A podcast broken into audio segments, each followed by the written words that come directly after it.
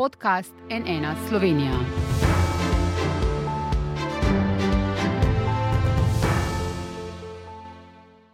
Dobro dan, to je NN studio. Ruski predsednik Putin je se noči odigral nevarno partijo šaha. Njegovo odločitev, da Donetsku in Lugansku, dvema pokrajinama na vzhodu Ukrajine, prizna neodvisnost, je danes ratificirala še Ruska duma. Putin pa je že sinoči odredil tudi napotitev ruske vojske na to območje, kar je danes potrdil še zgornji dom parlamenta. ZDA, Velika Britanija in države EU so se odzvale s sankcijami, ampak koliko je še možnosti, da na evropskih tleh znova ne izbruhne vojna? Zakaj lahko ukrajinska kriza še bolj počge separatistične težnje Milorada Dodika v Bosni in Hercegovini, ker se znova govori o nevarnosti razpada države, ki ne more miniti brez prelivanja krvi?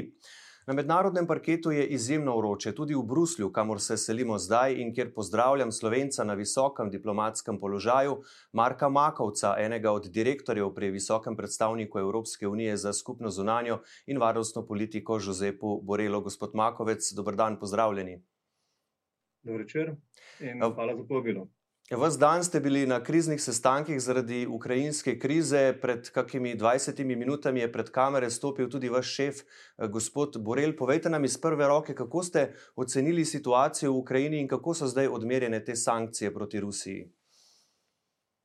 Torej, najprej naj povem, da smo dejansko pred enih največjih groženj uh, miru in stabilnosti Evrope po drugi svetovni vojni ukrepi in odločitve Dume in predsednika Putina včeraj zvečer so prvi zelo pomemben um, korak, ki lahko pelje tudi k širši destabilizaciji in enem konfliktu um, širših razsežnosti. Um, in zaradi tega um, je potekalo v zadnjih mesecih veliko diplomatskih uh, aktivnosti. Ena izmed njih je bil tudi um, trenutno um, zasedanje v Parizu, kjer se je sestal izredni um, svet za zunanje zadeve Evropske unije, kjer so zunanje ministri potrdili nadaljne korake in nadaljne ukrepe. Med njimi je v prvi vrsti nadaljevanje diplomatskih aktivnosti, kajti še vedno se bomo trudili preprečiti širši konflikt.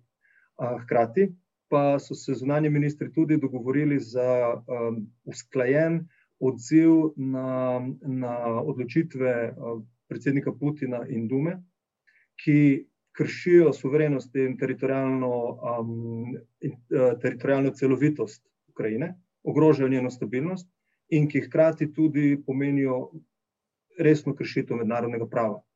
Zato uh, so se odločili za um, paket sankcij 51 člen, članov um, Dume in 27 posameznikov in, in, in uh, podjetij, ki so tako ali drugače sodelovali pri odločitvi in pri grožnjah zoper soverenost in stabilnost Ukrajine.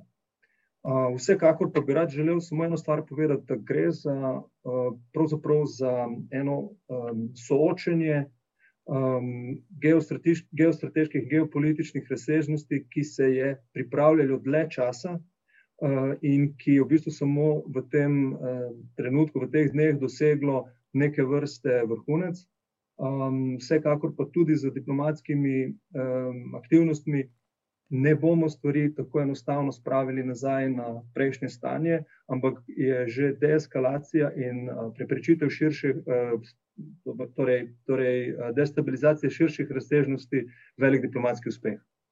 Kaj točno pa se bo zgodilo tem uh, ljudem, posameznikom, torej uh, podjetjem, uh, ki ste jih omenili? Torej, gre za 51 poslancev, 27 posameznikov in podjetij. Kaj se jim bo zgodilo? Torej, v tem prvem svežnju uh, so predvsem ukrepi, ki bodo omejili potovanje um, teh posameznikov uh, v, v države Evropske unije um, zamrznili njihova finančna eh, sredstva in njihovo poslovanje um, in onemogočili njihovo delovanje v okviru, v okviru Evropske unije. V samem svežnju pa je poleg teh, bomo rekli, um, osebnih ukrepov um, um, in sankcij, so tudi um, ukrepi uh, zoper banke in finančne inštitucije, ki so podprle aktivnosti v, v eh, pokrajinah eh, Luganske in Donetsk, kot tudi um, ukrepi za omejitev gospodarskih aktivnosti in gospodarskega sodelovanja z tema dvema uh, pokrajinama, in pa uh, gre še tudi za paket ukrepov, s katerimi um, se bo omejilo zmožnosti Ruske federacije do evropskih in, uh, finančnih trgov, do naših do evropskih uh, storitev in do finančnih inštitucij EU. Slednje je izjemnega pomena tudi za širše um, za širši uh, gospodarski in finančni trg um, Ruske federacije. V, se, v celem paketu, oziroma v, v celem uh, temu, recimo, paketu zaključkov uh, današnjega neformalnega Evropskega sveta, ki bo moral biti tudi še potrjen um, se strani um, Koreperja v, v EU, pa je tudi odločitev Nemčije, da bo ustavila um, dobavo plina skozi severni tok. Zakaj pa na seznamu kaznovanih ni ruskega predsednika Putina? Odločitev o priznanju uh, Donetsk in Lugansk uh, ter napotitvi uh, tako imenovanih uh, mirovnih sil v uh, sosednjo Ukrajino je uh, samo je prvi korak, kateremu, kot sem že omenil, lahko sledijo tudi drugi, težji. In prav zato so se zunani ministri držav članic odločili, da bodo um, dogovorili en um, um, postopni pristop, ki lahko se nadaljuje z širšimi, uh, torej z, z imenovanjem um, več oseb na, na seznam sankcij, kot tudi z drugimi, še tršimi in ostrejšimi ukrepi. Uh, s tem so nekako zastavili možnost um, diplomaciji, da še poskusi um, preprečiti destabilizacijo širše, širših aktivnosti. In v tem, okvir, v tem kontekstu so predvsem zunanji minister in predsednik države, sta dve osebi, ki uh, ponovadi predstavljata državo in ki sta tudi vodilna v pogajanjih, zaradi tega v, v tem kontekstu zaenkrat um, njuni meni še niste bili na seznamu sankcij. Mhm. Kaj pa še preostane v okviru sankcij? Ne, rekli ste, če se bodo pač stvari stopnjevale, bo tudi Evropska unija stopnjevala sankcije. Lahko pride do tega, da dejansko Rusijo popolnoma odreže od eh, poslovanja z Zahodom. Na kakšen način eh, bi to sploh dosegla? Ukrepov je še nekaj. Jaz tem trenutku ne bi, če mi dovolite, v tem trenutku ne bi um, špekuliral, vendar obstajajo še um, orodja, s katerimi bi lahko Evropska unija tudi, tudi še uh, resneje um, omejila, zaustavila in um, uh, ošibila uh, rusko gospodarstvo. Um, tako da tukaj še, uh, so še možni ukrepi, o katerih bodo. Um, v prihodnje, če bo potrebno, uh, razpravljali tako zunani ministri, kot uh, verjetno tudi um, predsedniki vlad in držav Evropske unije. Ampak nekako je Putin najbrž vse čas vedel, ne, da sankcije bodo, če bo počel to, kar zdaj počne, pa je vseeno priznal, ne, neodvisno od teh dveh regij. Kako si to razlagate, da ga te sankcije ne bolijo ali zakaj jih je vseeno tvegal? Ocena je, da v tem sporu eh, v Ukrajini gre za dejansko soočenje dveh eh, vrednostnih eh, sistemov in dveh principov delovanja. Eden je na naši strani, na strani Evropske unije, ki temelji na multilateralizmu, na, na demokratičnih standardih in na doslednem spoštovanju mednarodnega prava, medtem ko so nekatere druge države pri tem primeru tudi Ruska federacija, pa v bistvu sledijo eni, enim drugim principom in enim drugim načinom delovanja, s katerimi pač ščitijo svoje nacionalne interese. Vedno je potrebno gledati uh, za razumevanje odločitev uh, Moskve, je vedno potrebno se postaviti v Moskvo in od tam pogledati proti, proti Evropi oziroma proti Aziji. In um, v tem kontekstu je tudi um, predsednik uh, Ruske federacije zadnje leta sprejemal določene odločitve. Slednje je nakazal, oziroma svojo usmeritev, in že prvič nakazal prav v teh dneh uh, leta 2007 na Münchenski varnostni konferenci, kjer je nakazal uh, na to, da se Ruska federacija ne strinja z dominanco uh, takrat um, Združenih držav. Hkrati tudi je želel kasneje tudi pokazati, da je Ruska federacija ena izmed globalnih uh, ekonomskih, vojaških in političnih sil, med drugim tudi stalna članica Varnostnega sveta za pravico veta. In da deluje po enih um, svojih principih, in da ne bo dosledno in v celoti sledila dinamikam, načinu um, vodenja in načinu spoštovanja vrednot in principov, kot jih, kot jih narekuje um, Evropska unija ali pa mogoče širša mednarodna skupnost. In slednje je stopnjeval korak po koraku. V enem trenutku je uh, bilo vodstvo uh, v Kremlinu je, je ocenilo, da je potrebno Zahodu dati um, resen signal, predvsem pa, da morajo nekako rekli, izvesti tisto dolgoročno njihovo politiko, ki je politika krepitve uh, sfere interesa, Ruske federacije, ki je za Rusko federacijo vedno izjemno pomembna zaradi zaščite teritorija. Ruska federacija je definitivno največja država na svetu, obkrožena z velikimi silami, od Indije, Kitajske, pač Evropske unije na eni strani, um, in zaradi tega uh, mora delovati skozi ene drugačne principe, uh, zunanje politične. In temu sledi do te mere, da je prišla nekako do konfrontacije principov in načinov, po kateri, katerim sledi Evropska unija in pač Združene države ter ostali uh, zavezniki.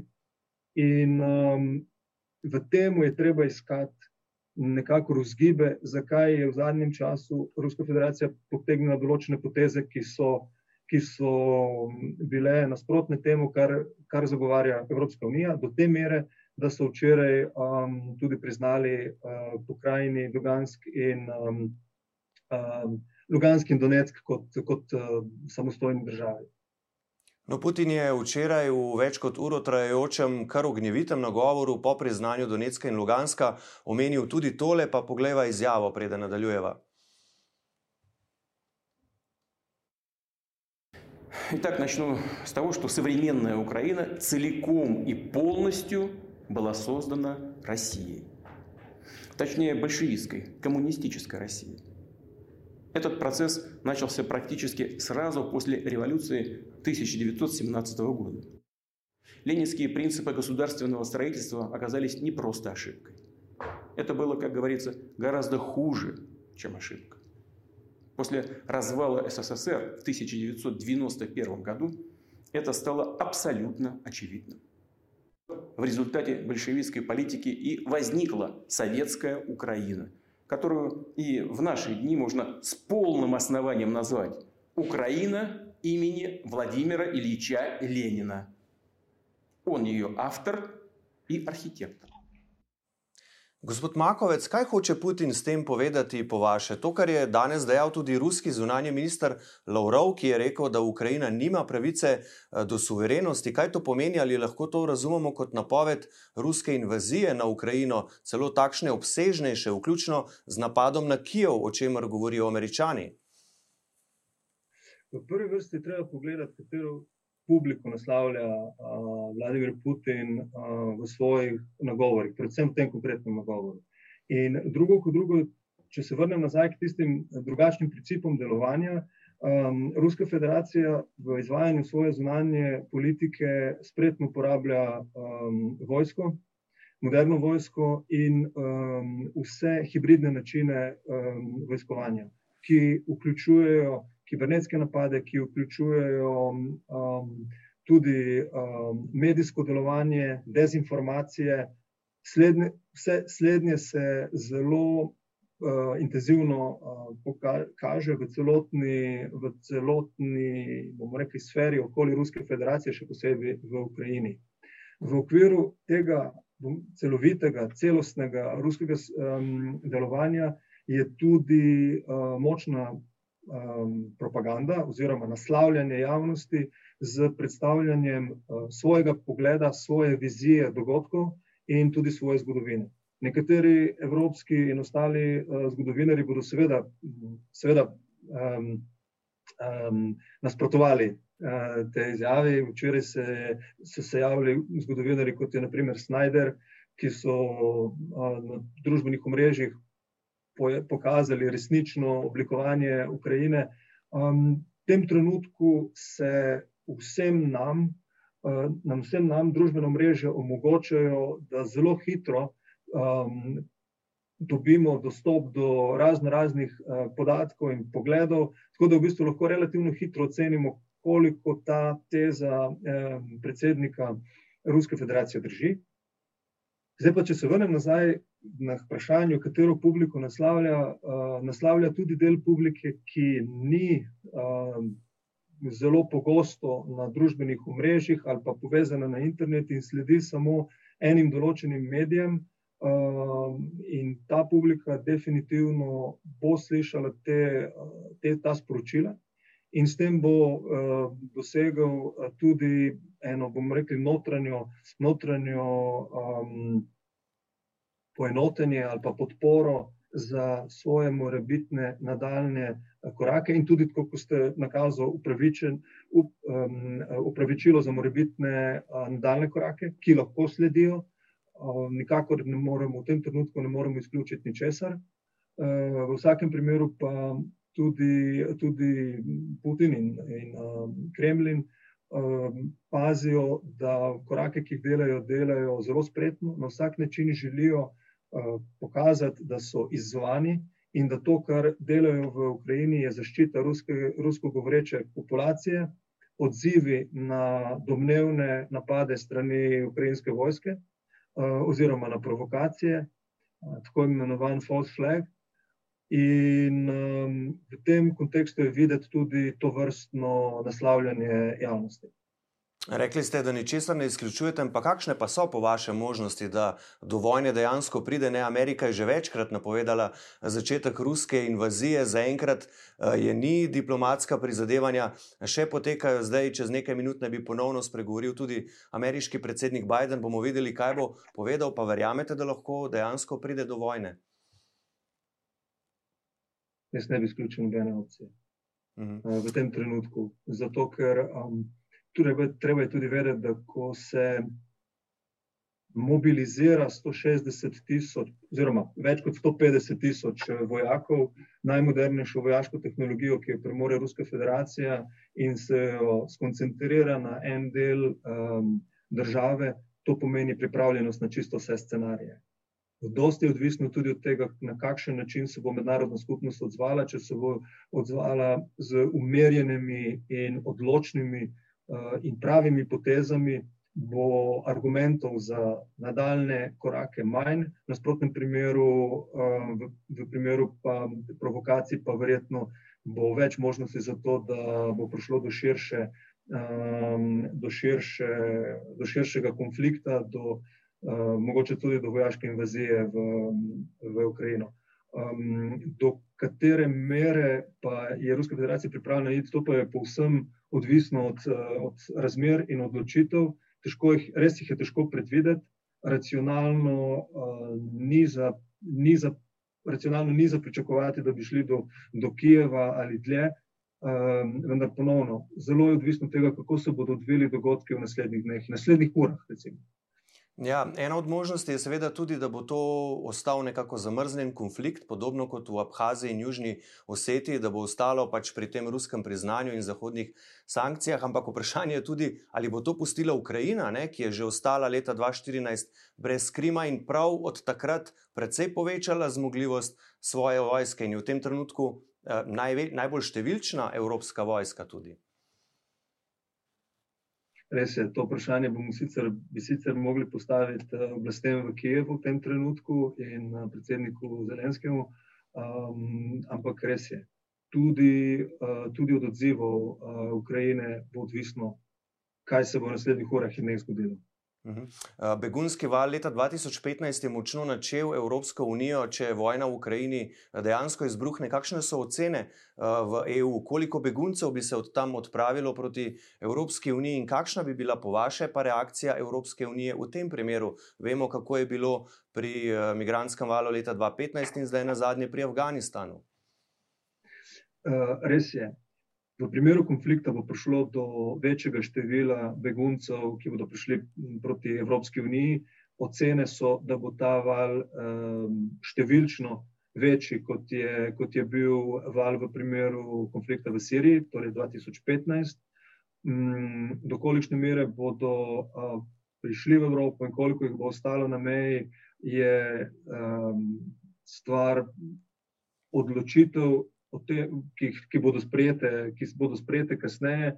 Um, contingency načrti se seveda v zadju pripravljajo, um, ampak zaenkrat je na prvem mestu še vedno diplomacija, ki bo v naslednjih urah in nekaj upravila svoje. No, dejstvo je, da rusko gospodarstvo temelji predvsem na nafti in zemeljskem plinu, obenem Putin nujno potrebuje države, ki jim to lahko prodaja, ampak na drugi strani pa je to eno od njegovih močnejših orožij. Mu verjamete, da ne bo prekinil dobav zemeljskega plina tudi na zahodne, eh, ki je od tega precej odvisen, tudi Slovenija, recimo iz Rusije, dobi več kot 50 odstotkov zemeljskega plina? Zaenkrat kaže, da ne glede na politične in ostale razmere, um, je bila dobava plina iz uh, Ruske federacije v Evropsko unijo zanesljiva. Ampak tokrat, ponavljam, tokrat imamo um, varnostno grožnjo uh, takšne dimenzije, kot jo po drugi svetovni vojni še nismo um, imeli, in zaradi tega je, se ne izključuje no, noben scenarij. Mhm. Druga zadeva, ki bi jo tudi rad, pardon, se pričujem. Eh, ja, prej ste že omenili eh, Severni tok 2, ne? Nemčija se mu kar nekaj časa ni hotela odreči, vemo, kako so ZDA pritiskale na njo. Eh, glede tega, no danes pa je vendarle ustavila certificiranje tega, je zdaj po vaše ta projekt mrtev ali ne? Ustavljen, sigurno. Um, sem pa želel še eno stvar povedati, če mi dovolite. Uh, tudi za Rusko federacijo ni tako enostavno prekiniti dobavo zemljskega plina in nafte in drugih surovin uh, v Evropsko unijo. Namreč pravilno ste povedali, um, gospodarstvo Ruske federacije predvsem temelji na um, energentih in na um, surovinah. 85% njihovega izvoza. Od teh 85%, od teh 85% izvoza je 80% uh, nafta in zemljski plin. Um, kar pomeni, da dejansko je Ruska federacija v zadnjem desetletju um, izrazito se usmerila v, v izvoz uh, energentov in surovin, in ne toliko v, v dovršene izdelke, razen morda, kar se tiče vojaške industrije, kjer ima izjemne kapacitete. To pomeni, da če izgubi m, evropski trg, izjemno pomemben, od katerega tudi dobiva visoko tehnologijo in, um, in tehnolo visoko tehnološke izdelke v zameno, se bo izrazito vezala na azijski, kitajski trg, pri čemer bo v nekem srednjem ali pa dolgem roku postala zelo odvisna od Kitajske. Kitajska v tem trenutku ima veliko proizvodnje, eh, veliko močnejše proizvodne kapacitete, predvsem pa postaja ena iz vodilnih sil skupaj z uh, Združenimi državami v digitalni industriji. In uh, tem, na tem področju Ruska federacija ni naredila um, velikega razvoja v zadnjih letih, kar nakazuje, da bi v primeru, če bi se v celoti za Rusko federacijo zaprl evropski, um, evropski trg, sodelovanje z, Evrop, z Evropo v najširšem pomenu, in bi se Ruska federacija preveč obrnila proti trgom Azije bi jih slejko prej, srednje dolgoročno, postavilo v podrejen položaj, kar pa si noben voditelj v, v Moskvi, tudi ne, uh, Vladimir Putin, ne bi nikoli uh, dovolil. Bi torej to pomenilo, da bi Rusija dokončno izgubila status supersile? Uh, Ruska federacija, dokler je stalna članica Varnostnega sveta in dokler ima jedrsko oborožitev in vojsko, kakršno ima, uh, bo na vsak način uh, za svojimi sredstvi poskušala ostati globalna supersila. Mhm.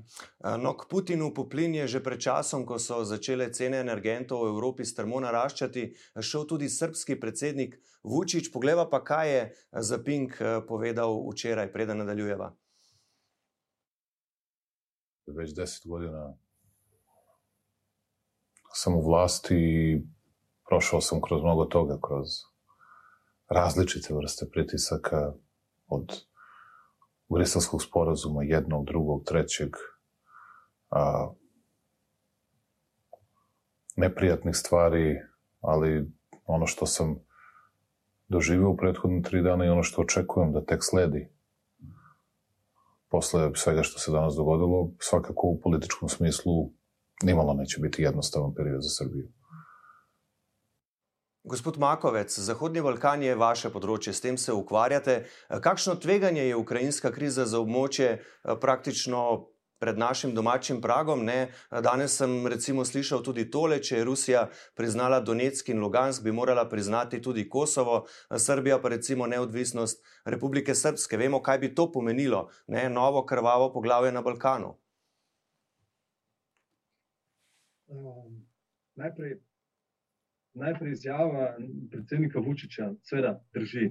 Um, za Srbijo je, so te razmere izjemno zapletene, zaradi tega, ker je do zdaj zagovarjala to stališče, da kar se tiče gospodarstva, ekonomije, človeških stikov, um, povezana bolj na Evropsko unijo, odkud prihaja 65% neposrednih investicij, vsa razvojna pomoč in večji del blagovne menjave. Politično varnost pa ohranjala dobre stike z Rusko federacijo. In ta situacija, kot jo imamo zdaj, postavlja na nek način Srbijo pred eno veliko dilemo, ker bo morala nekako se opredeliti. Dvomim, da bodo prišle zahteve po opredelitvi ali pa zaprosila po opredelitvi za strani Evropske unije, ker to ni v, v, naši, v našem načinu delovanja. Uh, bo pa verjetno to um, srpski predsednik um, moral uh, zelo, um, zelo dobro skomunicirati in pametno skomunicirati z, z Moskvo. Ta, ta del mu je verjetno težji. In uh, zaenkrat njegovo, njegovo stališče v smeri spoštovanja človekovih pravic, mednarodnega prava, neodvisnosti in, in držanja nizkega profila, a, morda še zadostuje, vendar to, kar je tudi samo menilo, če pride do nadaljnih korakov. Taka pozicija ne bo dovolj, in um, težko bi bilo za katerega koli predsednika Srbije, da bi popolnoma in celoti zaprl vrata uh, in evropskim integracijam. Um, ker bo tudi zaradi geografije ali pa zaradi neposredne povezanosti z državami Evropske unije zelo težko hitro zamenjati, uh, nadomestiti evropske trge z katerimi koli drugimi. Dejstvo je pa tudi to, da prav v zadnjem obdobju Srbija beleži zelo visoko gospodarsko rast, dvig eh, življenjskega standarda, vse splošni razvoj, tudi krepi si neko vlogo v regiji Zahodnega Balkana. Tako da je tle za Srbijo na, kar, kar, veliko, kar veliko stvari je, um, rekel, v igri. Milorad Dodik predstavlja resno nevarnost za mir na Balkanu, njegova retorika je skrajna, hujskaška, nevarna, sprejema odločitve v smeri odcepitve Republike Srpske, s tem razpada Bosne in Hercegovine. Tukaj govorimo o pobudi za vojsko Republike Srpske, o drugih institucijah, ki bi morale biti skupne na ravni države, ne pa entitet. Kaj ga lahko ustavi, oziroma kdo ga lahko ustavi? Um, o tem so razpravljali zunanji ministri na uh, zasedanju. Um, um, Na zasedanju včeraj, čeprav se zdi, da je tisto zasedanje že zelo, zelo daleč, glede na vse, kaj se je zgodilo. Uh, res je, um, v tem trenutku imamo v Bosni in Hercegovini um, eno resno politično krizo, verjetno najhujšo po, po Daytonu. Uh, in uh, res je, da imamo blokado uh, državnih inštitucij od sprejetja uh, zakona o, o kriminalizaciji genocida uh, lanskega julija, uh, predstavniki um, Republike Srpske ne sodelujejo v državnih inštitucijah in s tem dodatno hromijo um, funkcionalnost Bosne in Hercegovine. V mestnem času je, je tudi vladajoča stranka. V Republiki Srpski, ki, jo, ki je tudi stranka Milorada Dodika, uh, je uh, začela s pobudo, ki jo, imenuje, ki jo nazivajo nazaj k Daytonu, po kateri želijo nekatere državne uh, agencije prenesti iz državne ravni na raven identitete, s tem ustvariti paralelne inštitucije in um, še nadaljno, recimo, okrepiti neodvisnost um, Republike Srpske znotraj, znotraj Bosne in Hercegovine. Slednji ne bo tako enostavno. In tisto, kar je zelo pomembno povedati, je, da to vrstne odločitve niso v skladu z ustavo. Kaj je skladno z ustavo v Bosni in Hercegovini, lahko interpretira samo ustavno sodišče, ki je predčasno že um, odločilo v, tem, v, v to vrstnem primeru. Um, interpretacijo pa ima tudi visoki predstavnik uh, OHR, um, ampak samo za civilne aspekte um, um, Dejtovskega mirovnega sporazuma. Tako da tukaj je uh, ena tendenca, tendenca Republike Srpske, da izkoristi to eno, um, bomo rekli, eno, en vakum, če ga lahko tako definiram, ko uh, so vse oči usmerjene proti vzhodu, ko je glavna, glavna pozornost res namenjena odnosom m, Evrope eh, in Ruske federacije, pa reševanju eh, tenzij v Ukrajini. In v tem, v tem enem vakumu ocenjuje Republika Srpska, da lahko izkoristi priložnost, da za, za zase pridobi nekaj pristojnosti, ki jih um, so soglasno, to je potrebno povedati soglasno, v letih od 2000 pa do 2004 prenesli na državno raven.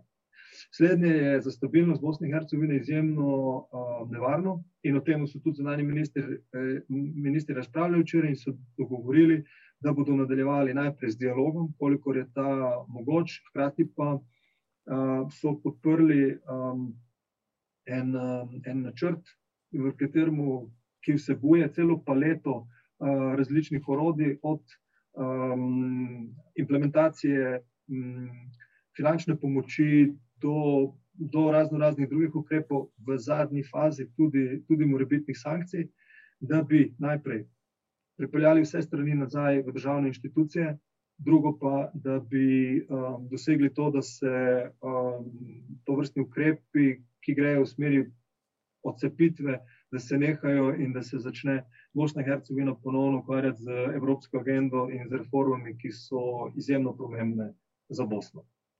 Je to podprla tudi Slovenija na tem zasedanju in kakšna je tu vloga mačarskega premija Viktorja Orbana, ne, ki blokira sankcije Evropske unije proti Republiki Srpski? Kaj je tu v ozadju? Um, Slovenija je po, po informacije, ki jih jaz imam, um, zastopala konstruktivno stališče in podprla napore visokega predstavnika in, in, um, in um, usmeritev Evropske unije. Kar se tiče pa um, same uh, Mačarske, je pa uh, nekoliko, nekoliko kompleksneje. Um, Mačarska ocenjuje, da so problemi v Bosni in Hercegovini globji in širši, kot je zgolj um, nesodelovanje v, v državnih inštitucijah. Ocenjujejo, da je potrebno globje nasloviti uh, problem Bosne in Hercegovine, in tle je dejstvo, da je eden največjih problemov Bosne in Hercegovine korupcija, uh, nefunkcionalnost, uh, tako v federaciji, kot na splošno, vse te, vsi te aspekti, ki jih ponavadi um, predstavljamo kot, kot capture state.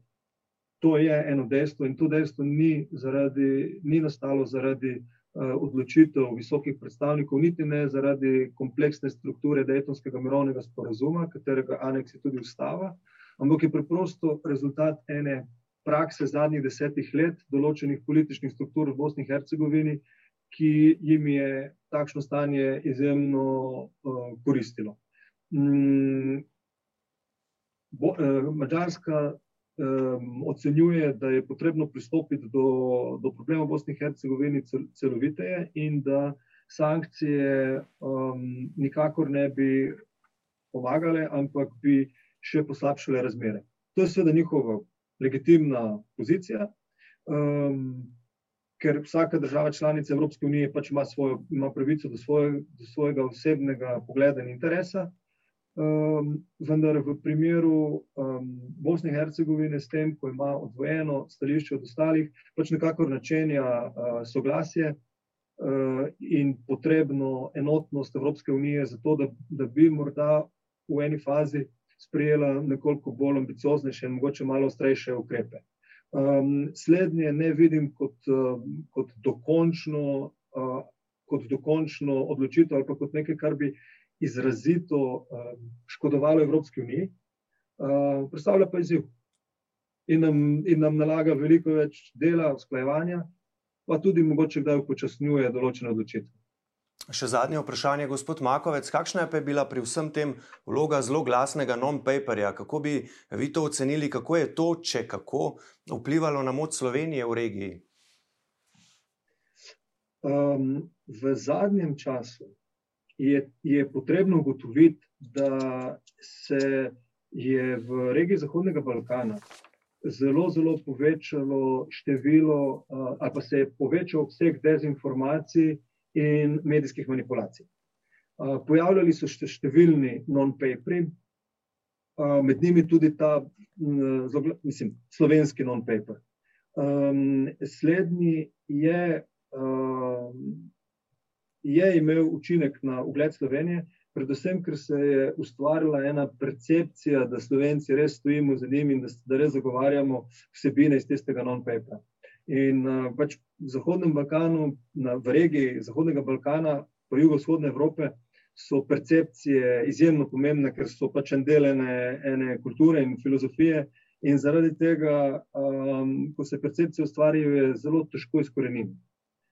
To bo bo definitivno vplivalo na, eh, na vlogo in delovanje Slovenije v regiji, zaradi tega, ker Slovenija je dolgo časa, tudi zgodovinsko, ampak predvsem v tem zadnjem obdobju, je bila tretirana kot eh, pač ena eh, država, ki nima skrite agende, ki ima iskrene interese in predvsem ima nacionalni interes, da ohrani regijo stabilno in delujočo.